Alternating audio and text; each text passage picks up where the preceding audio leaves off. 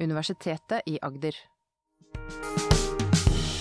Vi har vært igjennom et lokalvalg hvor partier som påstår at vanlige folk er glemt av politikerne, har fått stor oppslutning. En del av kritikken som har kommet, handler om at det er svært vanskelig for innbyggerne å påvirke politiske prosesser og beslutninger. Professor i informasjonssystemer Øystein Sæbø har forska lenge på såkalte e-demokratier. Mitt navn er Øyvind Eskedal. La oss spørre forskeren kan digitale kanaler flytte makt fra politikerne til folket.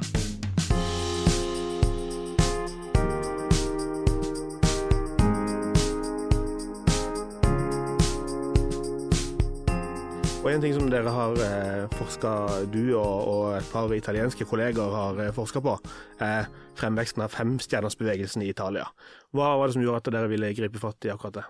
Selvfølgelig, som all forskning så er det litt tilfeldig at du treffer noen kollegaer som uh, holder på med ting i samme felt, og så har de case, og så er vi i gang der. Men når det er sagt, så er femstjernersbevegelsen utvilsomt det største globale eh, initiativet, og det som har fått størst påvirkning av såkalte e-demokratiprosjekter som jeg er opptatt av. Som handler nettopp om hvordan teknologien bidrar til å eh, Hvordan de kan bruke teknologien i, i sånn demokratiutvikling, og hva, hva skjer når vi putter strøm på demokratiske prosesser, hvis du vil. Så har vi fått gleden av å følge femstjernersbevegelsen egentlig helt fra de starta 2008-2009, eh, og fulgt de nå i, i ti års tid, og, og, har mye data og, og har vært, vært tett på eh, dette svære eksperimentet som det jo egentlig er. Og Hvis du som hører på ikke helt kjenner til femstjernersbevegelsen, så skal vi nå høre litt om, eh, om hva det er for noe. Femstjernersbevegelsen er et italiensk politisk parti grunnlagt i 2009 av komikeren Beppe Grillo og internettstrategen Gian Roberto Casaleggio.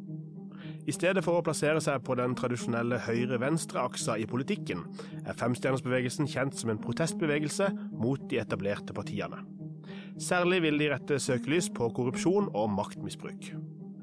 I 2013 ble partiet parlamentvalgets store vinner, med over 25% av stemmene. Ved det neste parlamentsvalget, i 2018, var femstjernersbevegelsen blitt Italias største parti, og de danna samarbeidsregjering. Partiet har stor oppslutning blant studenter, unge og arbeidsledige.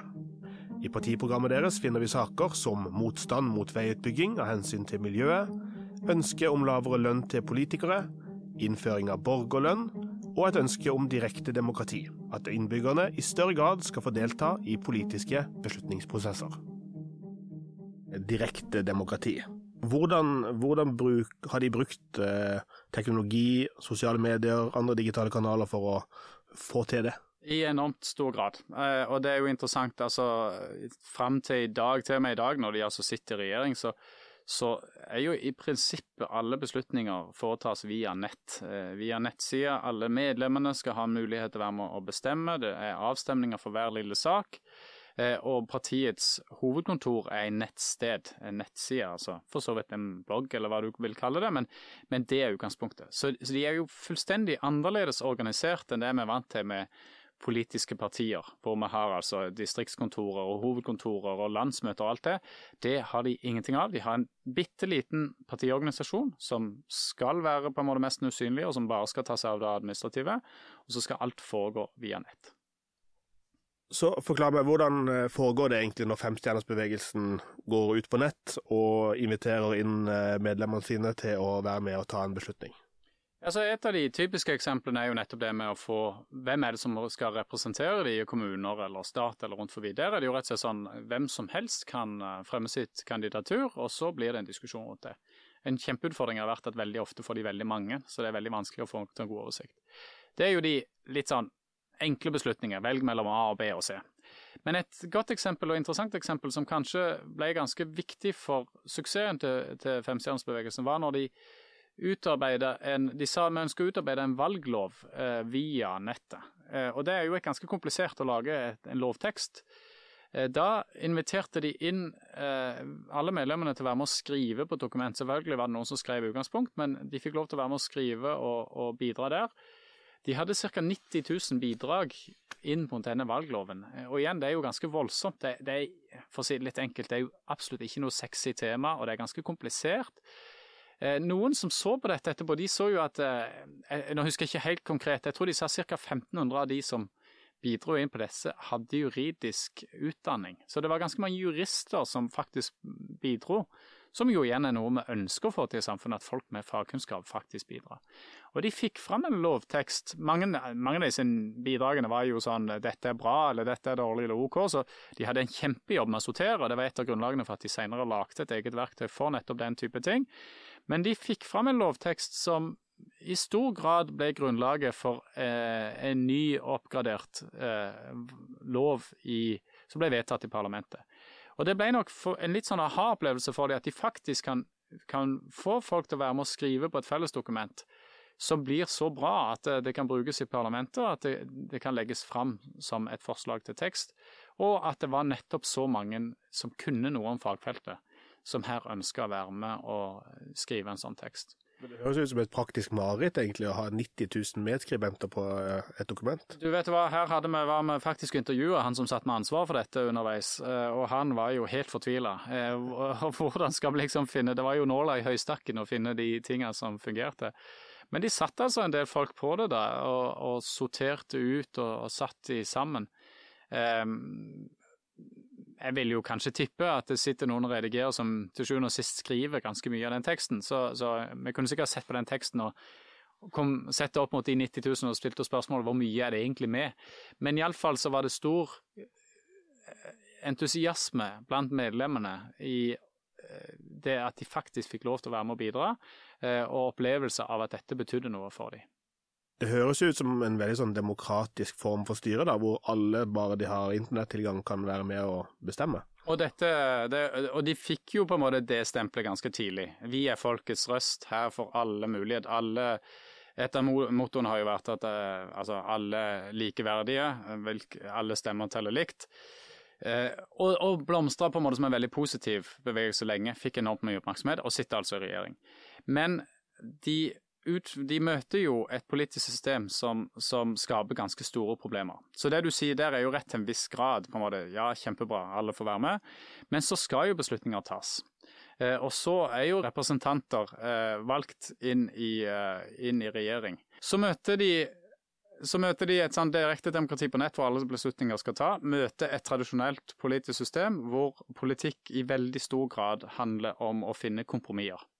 Og det er jo én av flere motsetninger de står overfor i dag. Det er mellom å ha ganske enkle ting hvor du kan svare ja nei på nett, mot en praktisk politikk som òg går fort, beslutninger skal tas løpende, og som ikke minst handler om kompromisser og det store bildet. Og, Det er en av de tingene de sliter helt tydelig med i dag, og har slitt med i regjering det er at medlemmene blir veldig misfornøyd med hva representantene gjør av beslutninger, for de sier de har ikke grunnlag i dette har vi ikke blitt spurt om, dette har vi ikke gjort avstemninger på. Hvor representantene sier men dette må vi beslutte nå i kveld, dette er kompromissløsninger, dette må vi finne ut av sammen med våre regjeringskolleger bl.a. Så, så de, de møter, det er veldig spenn mellom den direkte demokratiorganiseringa på nett og den tradisjonelle eh, måten å tenke politikk på i et parlament. I hvilken grad er de digitale kanalene med på å polarisere debatten? De digitale kanalene ser iallfall ut som de er med å, å framelske alle typer, eh, alle typer saker som har veldig enkle svar. Det er veldig vanskelig å få innspill for Kristiansand kommune når de skal ha en ny næringsplan. Eh, det er mest umulig å selge i de sosiale medier. Men det er veldig lett å være for eller mot en kunstsilo. Eh, det, det, det er enkelt. Det som femstjernersbevegelsen uh, har òg en diskusjon på, det er at en del hevder at de da altså blir sensurert og får ikke svare når de mener noe annerledes enn det som er mainstream. Uh, og det tror jeg nok vi kan trekke paralleller til, til norsk hva vi har sett her i høst. Når du går inn på enkelte sider, så ser det ut som om alle er enige om en sak. Men i, i situasjoner hvor vi har intervjua rundt enkeltsaker, intervjua folk rundt og sett på hva det er, så er det en god del som har motargumenter som sier jeg tar ikke belastninger med å gå inn og skrive dette, det er det ene, eller at de faktisk blir sensurert for å ikke få lov til å skrive det. Så det som kan se ut som en veldig sånn konform enighet om hva som er det rette svaret, er nok òg ganske ofte et resultat av at det koster ganske mye å gå inn i den type debatter og mene noe annet. Så en del skyggebarn, og det har vi jo hatt en diskusjon om òg i, i, i, vår valgkamp nå. Eh, her på Sørlandet, unge politikere som sier vi holder oss heller vekke fra disse diskusjonene, for det blir så mye personhets veldig fort. Da må jeg jo si at det er nok, skal jeg trekke paralleller fra Five Star Movement til en norsk hverdag. Det har vært mye personsjikane og andre ting i femstjernersbevegelsen, men, men de har tross alt en tiårs eh, historikk nå. Så min opplevelse er nok at de har vært flinkere på sak enn det vi ser i dagens valgkamp, hvor vi veldig fort blir personer. Eh, om det er barnesykdom som forsvinner når folk på en måte ser at eh, her må det endres, eller om det er en trend som bare vil fortsette, det vet vi jo ikke.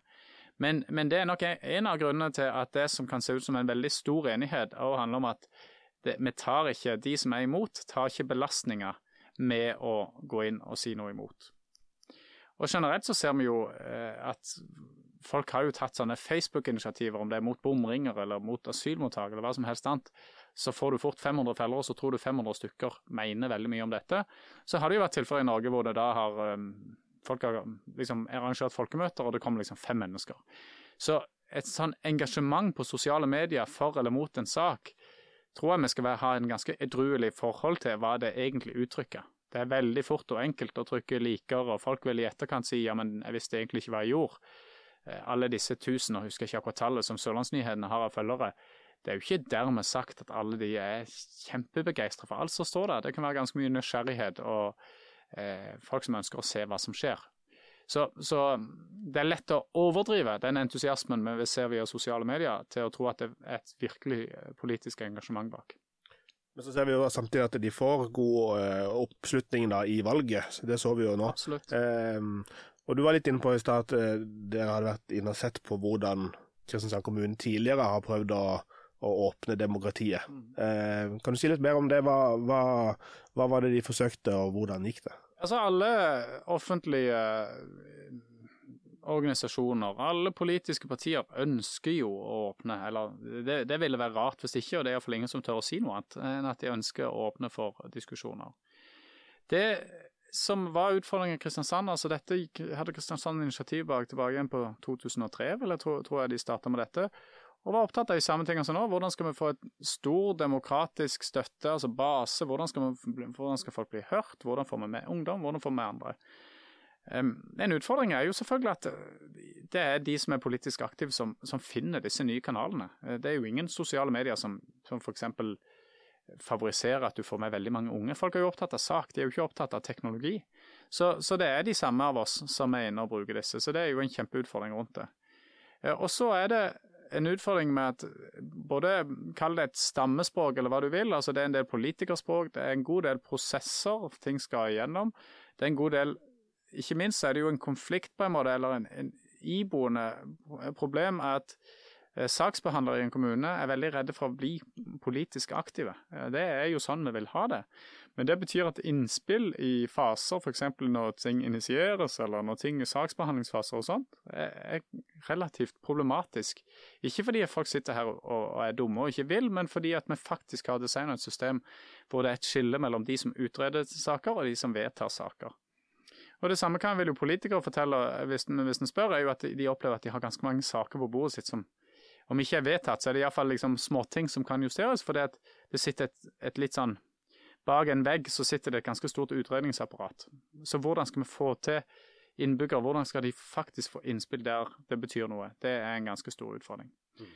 Men at, at kommuner og politiske partier ønsker dette og jobber for dette, det er ikke sikkert alle på Sørlandsnyhetene er enig i det, men det er ganske opp eh, det er ganske sikker på at det stemmer, at de er opptatt av hvordan skal vi få hørt på flest mulig. Det er vi jo avhengige av i en demokratisk debatt. Så den som kommer opp med en uh, digital løsning hvor man både kan uh, diskutere de enkle og også de vanskelige sakene og klare å engasjere, har antagelig gjort noe bra for demokratiet, da. Ja, og det tror jeg jo eh, Hvis en ser bak femstjernersbevegelsen som, som på en måte politikk Nå har de hatt en regjering som har gått alle veier, og de har vært sammen med leger, og det har vært mye diskusjon eh, rundt det. Så mange av oss vil jo kanskje ikke være enig med politikken. Ser vi bak det og ser på hva den teknologien de utvikler, så tror jeg de utvikler en god del tenkning rundt bruk av teknologi som f.eks. norske partier godt kunne ha, ha sett på og, og vurdert hva er det vi kan hente av dette. Og så har det jo vært initiativer. Noen initiativer for noen år siden som, som, som uh, fikk en del oppmerksomhet. Det var såkalt uh, innbyggerengasjement i, uh, i, dette med budsjetthåndtering. Hvor ideen var å si meg og deg kunne få, få en liste over holdt på å si, pengene Kristiansand har, og så kunne vi på en måte si ja, jeg vil ha mer til helse, eller jeg vil ha mer til transport, eller jeg vil ha mer til miljø. Men så kunne vi på en måte nederst få en sluttsum som sa hva er konsekvensen av dette. Hvor ideen jo var at er du opptatt av å gi mer alle eldre skal få skikkelig mat og enkeltrom, så går det på bekostning av noe annet. Nettopp for å vise at politikk er et helhetlig bilde. Det er ikke bare enkeltsaker. Eh, og det er jo utfordringa her. Hvordan skal vi vise at, at, det har konsekvenser, de valgene du har tatt? Det er jo det politikere må forholde seg til. Det er jo et budsjett til slutt med to streker under svaret. Mens det er enkelt for oss velgere å si selvfølgelig vil vi ha mer i en eller annen retning, uten at vi trenger å ta konsekvensene for hva betyr det for mindre av noe annet. Tenker du at uh, digitale kanaler er på en måte veien å gå for uh, kommuner f.eks. som ønsker mer uh, innbyggerinvolvering? Jeg har nesten lyst til å si nei eh, på det.